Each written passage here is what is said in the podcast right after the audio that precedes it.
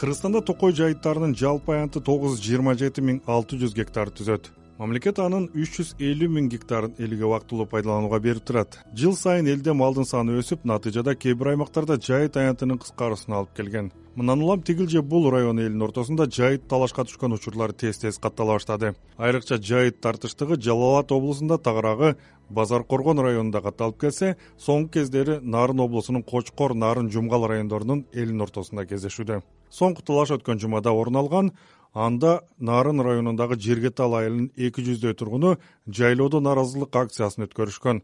Алар кумбел жайлоосундагы кочкор районунун малчыларын жайытты тез бошотуп көчүп кетишин талап кылышкан. А кочкорлуктар жайлоодо мыйзамдуу отурганын кийинки жылга чейин эч кайда жылбайбыз деп көшөрүп туруп алышкан. Жергиликтүү бийлик өкүлдөрү милиция кызматкерлери тартылган бул тирешке аймактагы кабарчыбыз мирлан кадыров да байкоо салып келген. Биздин чоңдор да таянгандары ушул кишилер да булар айткан сөзү да убактылуу. Бүгүн айтат эртең танат. Эң туура ким канат биз канабыз. Э, мен вообще канбайм биз деге мына айтып коеюн. Жергеталдыктар кочкорлук малчылардын жайытты бошотуусун талап кылып жатат буга быйыл кумбел жайлоосуна кочкор районунан он малчы үч миңдей майда жандыгы жана беш жүзгө чукул бодо малы менен көчүп келет деген сөздөр себеп болгон. Азыр кочкорлук эки малчы мал жандыгы менен жайлоого келген. Нааразылардын үнүн укканы келген облустук бийлик чогулгандарга мыйзамды түшүндүрүүнүн аракетин кылышты. Нарын районунун акими семетей черикбаев. Эки миң жыйырма бешке чейин деген болчу эки миң он жетинчи жылы жогорку кеңештин депутаттарынан экөө үчөө демилге көтөрүп удпну жоебуз деген. Десеңиздер биринчи экинчи окуудан өтүп кеткен үчүнчү окууга келгенде чыр чыккан себеби сиздердин ич атышып атпайбы удп силердин жер да а удп берген да райондор бар да эки жаат болуп чыр чыгып республика боюнча караганда жети жүз элүү миң гектар удпкда экен да. Мисалы нарын району эки жүз отуз сегиз миң гектар жерди башка райондордон алабыз. Могу силердин гана жерди беребиз. А так бүт алабыз ат башыдан бирок нааразылар мындай сөздү эки жылдан бери угуп келатканын бул сөздөргө ишенбей деле калгандыгын билдирип жатышат кыскасы ошо жок жок туура закону туурабы кандай кочкордочу удпд атабыз э жыйырма жылга чейин а биздин тет жакта жерлерде деле ошондой удуп болчу да ал мыйзам жок кочкорлуктар болуп эме удуп боюнча жооп берип коеюнчу менин суранычым бүттү мындай кумбел жайлоосунда көп жылдан бери жайлаган малчы азат оморов ошо кочкорлуктардын келишимибизге деле зыянга учурап атабыз да малга зыяныбыз кетип атат. Э, биринчиден. Экинчиден булардын малдары менен биздин малдар аркы кыргашат берки кыргашат ошондон дагы элдер эки жактын эли мындай толкундап түшүшүп кетиши дагы мүмкүн болуп атат да. Ошо ошолорду канча келет деп атат? Азыр булар да булардын өзүнүн айыл өкмөтү өткөндө келип кеткен ак жар районунун айыл өкмөтүмүн деген да сегиз корогой ошол жакы райондуку исакеевден эки корогой деген да. Общий малдын саны деген он беш миң кой деген. Э, бир бир жарым мыңдан үч миңге чейинки бодо деген да. Анан эми ошо үч миң бодо ушул жерге өзүңүздөр көргөнүм батпайт го эми кандай кылат билбейм анан өкмөттөр өзүңүздөр деле көрүп атат керек да. Буга чейинки малдарыбыз сонун эле болчу бул малда оңолуп калышчу.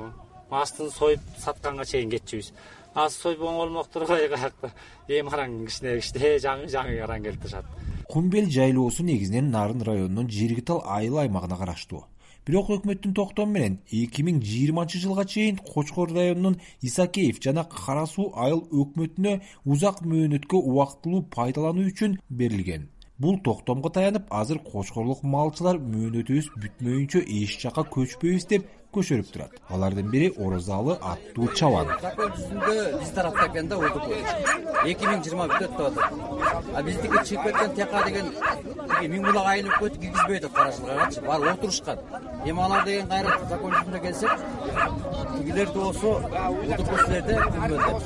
Келип отургула десе кетип жерге айыл өкмөтү эми аны бийлик турат биздин үстүбүздө айыл өкмөт турат жайыт комитети турат. Ошолор эки ара эми чечишсин эки айыл ага туугандар тияка кудасы жок дегендей ушул азыр чечилбек закондун негизинде кочкор районунун жери чогулгандар эгер кочкорлуктар өз каалоосу менен көчпөй турган болсо келген жагына кайра жеткирип коебуз деп боз үйлөрүн чечкенге аракет кылышты бирок акцияга көз салып жаткан ондогон милиция кызматкерлери алардын бул аракетине жол беришкен жок. Жыйынтыгында кочкордон келген эки малчы ушул жайдын аягына чейин кум белге жайлап кетүүгө жергеталдыктар макул болушту.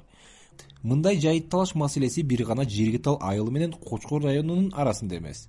Жумгал ак дала райондорунда дагы курч боюнча калууда бирок өкмөттүн нарындагы өкүлүнүн орун басары касен азизов аларды акырындык менен жөнгө салып келе жатабыз деп ишендирди биз эми алыскы жайыттарыбызды көп пайдаланбай ички жайыттарды пайдаланып азыр эми ички жайыттарда деградация болуп атпайбы.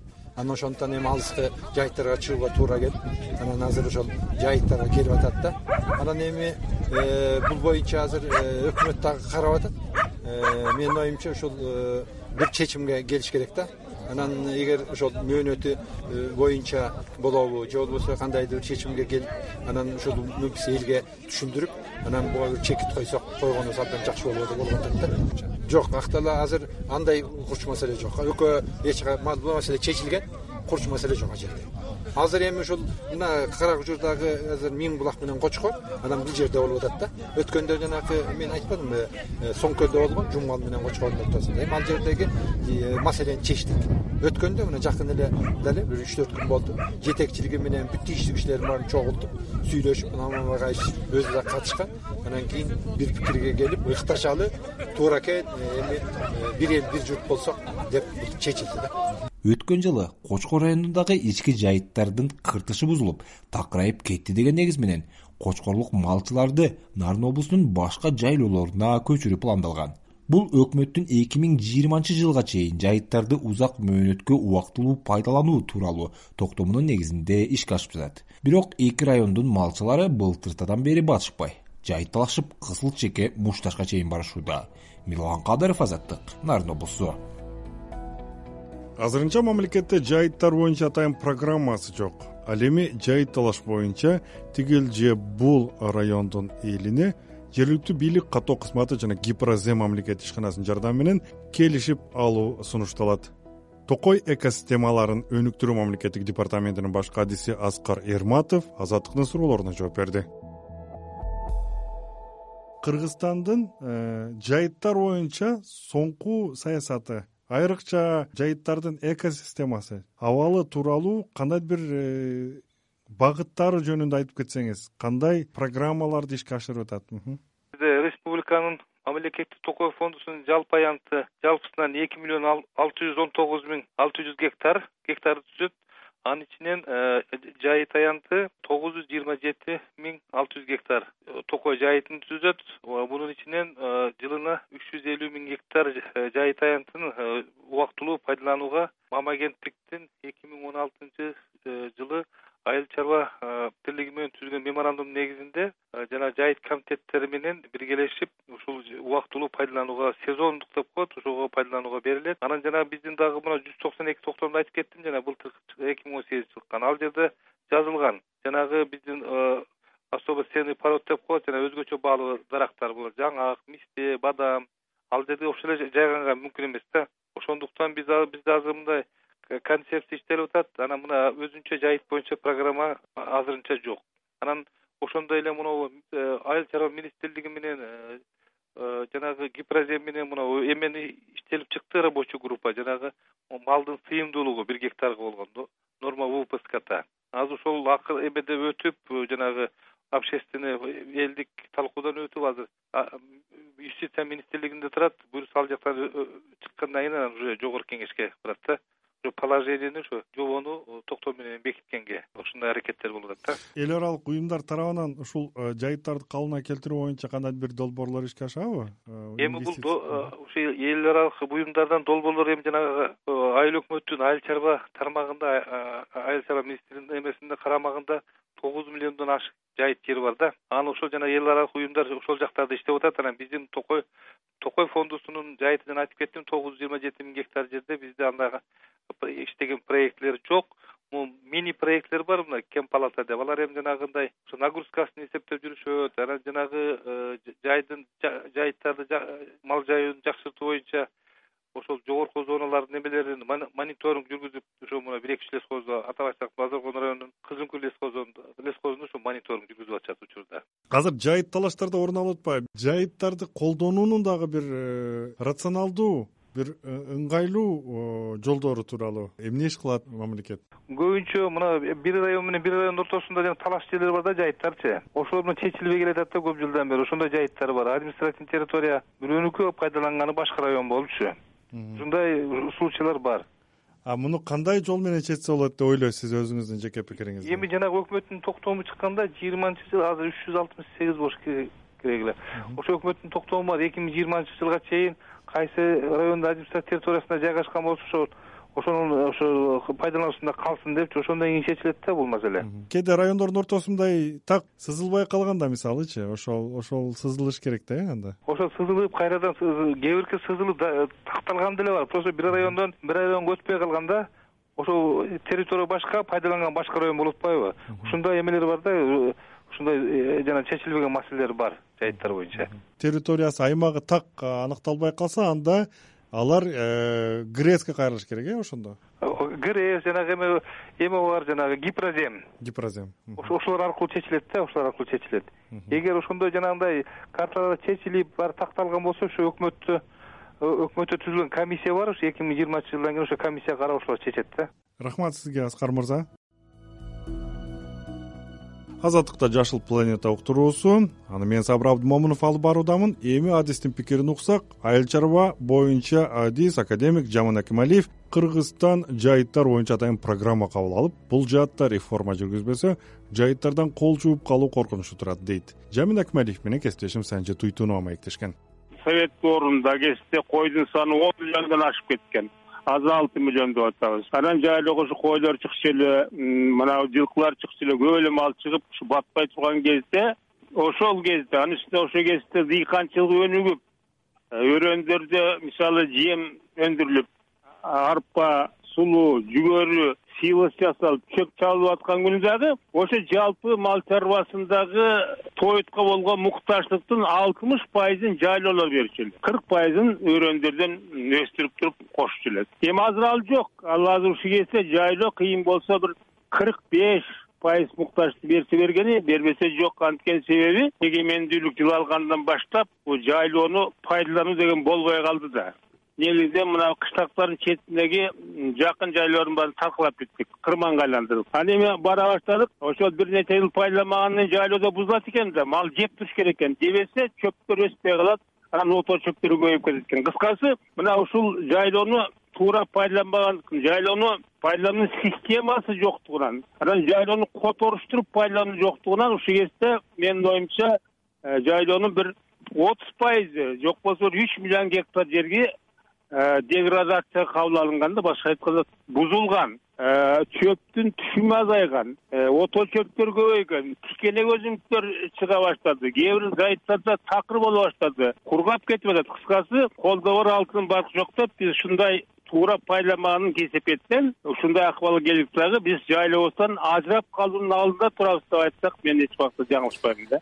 Жамин агай кечиресиз ошо чоң жайлоолордон. Кайсынысы мындай экологиялык жактан абдан бузулууга учурап атат? Мына бул жайлоолордун ичинен э, жана айттым эң кыйын мындай э, жоготууга деградацияга учураган бул суу самыр. Суу самырдын бул бактысы бакыты жоктугусунда экен баягы тогуз жолдун томунда болуп тияктан ошко чейин кеткен жол андан ары чаек кетет тиги казакстандан да келет өзбекстан да келет. Анан эч кандай мындай коруу кайтаруу сактоо деген жок ошентип отуруп мына бул суу самырдын жайлоосу э, эң начарлап кеткен жайлоо суу самырдыкы болуп калды тебеленип калды. Андан кийин эми мына бул бийик тоолуу жерге келсек э, мына соң көлдүн деле акыбалы кыйын болуп турат соң көлдө эми соң көл деген сонун көл деген сөз да кыргызчага отурганда эң мыкты жайлоолорубуздун бири соң көл эле аны дагы ушул машина менен тебелеп атышат жыйын алыш кылып элдин баары топ болот.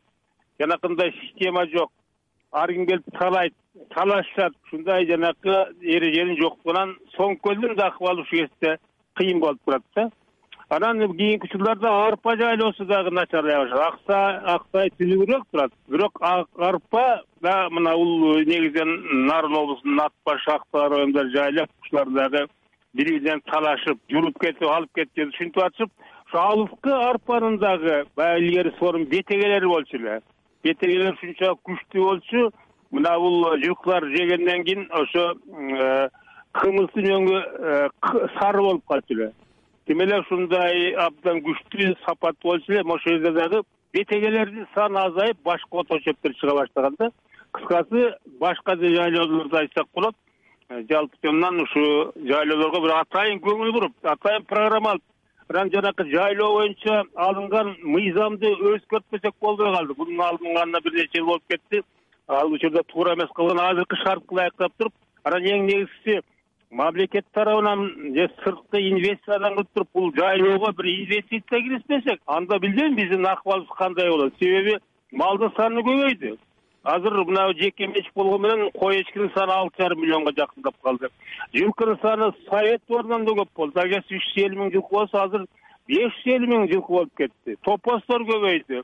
Башка түрлүү кара малдар кыскасы малдын саны көбөйүп атат бирок тилекке каршы ошол э, тоюп берип аткан жайлоону карап көңүл буруп ошону алдыга мындай жакшыртуу жакшырта турган эч кандай мекеме да болгон жок уюм да болгон жок өкмөт да болгон жок. Жайыт комитетинин иши кандай болуш керек эле бул жайлоолорду оңдоо жаатында бар да бизде. Мыйзамда кабыл алынган жаңылбасак эки миң сегизинчи жылдары кабыл алынса керек эле. Э андан кийин дагы өзгөртүлгөн. калды. Эми аны дагы талашып тартышып кабыл алганбыз. Бул өзү э, мына эл аралык э, каржы э, мекемелеринин күчү менен ошолордун долбоору менен курулган. Эми бул жерде мындай бир таң кала турган нерсе болуп атат да. Конституция боюнча кыргызстандын жайыттар жайлоолор мамлекеттик менчик болуп эсептелет мисалы жерди жеке менчикке берип жибердик малды берип жибердик. А жайлоо мамлекеттик менчик болуп калган. Демек бул жайыттарды башкаруу бул мамлекеттин иши болуш керек. Эле мамлекеттик уюмдардын иши болуш керек. Эле мисалы ошол эле айыл чарба министрлиги анын алдындагы жана жайыт боюнча департамент деген бар мурунтан бери иш берип аткан анан айыл аймактар туруп атат жергиликтүү бийликтер ушулар башкарыш керек эле да но кызык болуп атат да жанакы жайыт комитет деген булар ушул жана долбоордун негизинде түзүлгөн булар коомдук уюмдар мындайча айтканда коомдук уюмдар. Аны эч ким көзөмөлдөй албайт ага эч кандай тапшырма бере албайсың аны эч ким текшере албайт. Ошолор келип мамлекеттик менчик болгон жайлоону башкарып ошону жайгаштырыш ошону тейлеп жатышат өзүлөрү жанакы малдын э, ар бир малдын түрүнө карата өзүнүн акысын коюшат экен ошондон пайда табышып мындай бизнес кылышат экен ачыгын айтыш керек мамлекеттин жеринде бизнес кылышат экен. А эмне үчүн эгерде мисалы айыл аймактар э, ошо жанагы бюджетчик райондорго берсе ошолдон түшкөн акча түшсө жанакы аймактарды өнүктүү деген президенттин программасы алга жылат эле да кыскасы жайлоо мамлекеттики башкарып аткан коомдук уюмдар болуп ушул жерде кош бийлик эмес үч бийлик болуп ушунун кесепетинен дагы жайлоо абдан начар акыбалга келип калды да. Ошон үчүн жана мыйзамды кайра карап чыгып азыркы шартты карап башкаруунун тартиптерин карап туруп бирок негизинен менин оюмча мамлекеттик байлык болгон жайлоону мамлекеттик мекемелер башкарып туруп тейлеш керек деген мен ойдомун да. Алыскы жайлоолорду айтып атабыз да тетиги сырт деген жайлоо бар экен. Ал жакка вертолет менен көчүрүп алып барчу дейт илгеричи.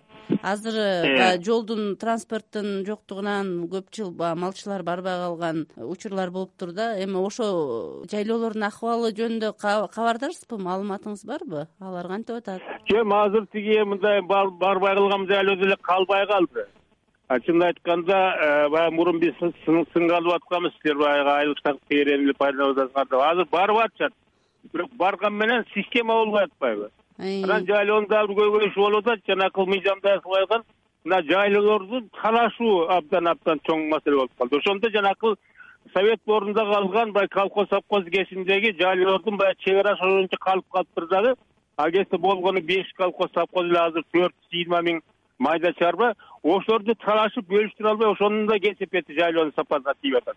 Азыр болсо сөзсүз ал э, барганын барып атышат. Ал эми жана мен инфраструктура дегенге ошо жайлоого жана мен кээ бир жерлерде суу чыгаруу менен бирге э, жол куруу көпүрө куруу да ушуга кириш керек. Жанакы э, жайлоо жайыт боюнча алган мыйзамда жана долбоор боюнча ушунун баарын бүтүрөбүз. Баарын жасайбыз деп убада беришкен бирок андан эч кандай натыйжа чыккан жок ошондуктан бул маселеге кайрылып келип туруп бир жакшынакай бир ишти жасап алсак акыбал абдан ооруп кетет турган деп ойлойм да. Ошентип мамлекеттик э, менчик жайлоо азыр ээсиз калды ээсиз калды. Жана жайыл ал башкара албай калды. Айыл ошого иштерип таштап койду. Ушунун баарын бириктирип туруп атайын биздин мамлекет өкмөт буга көңүл бураса ишибиз оңбой калды. Агай убакыт бөлгөнүңүзгө чоң рахмат академик жамин акмалиевке санжи туйтунова суроолорду узатты. Угарман сиз жашыл планета түрмөгүн уктуңуз бул жолу биз кыргызстандын жайыттарынын абалы жана жайыт пайдалануудагы көйгөйлөр тууралуу кеп кылдык. Уктурууну даярдаган сабыр абдымомунов мага кесиптештерим санжы туйтунова жана мирлан кадыров көмөк берди. Эсен туруңуз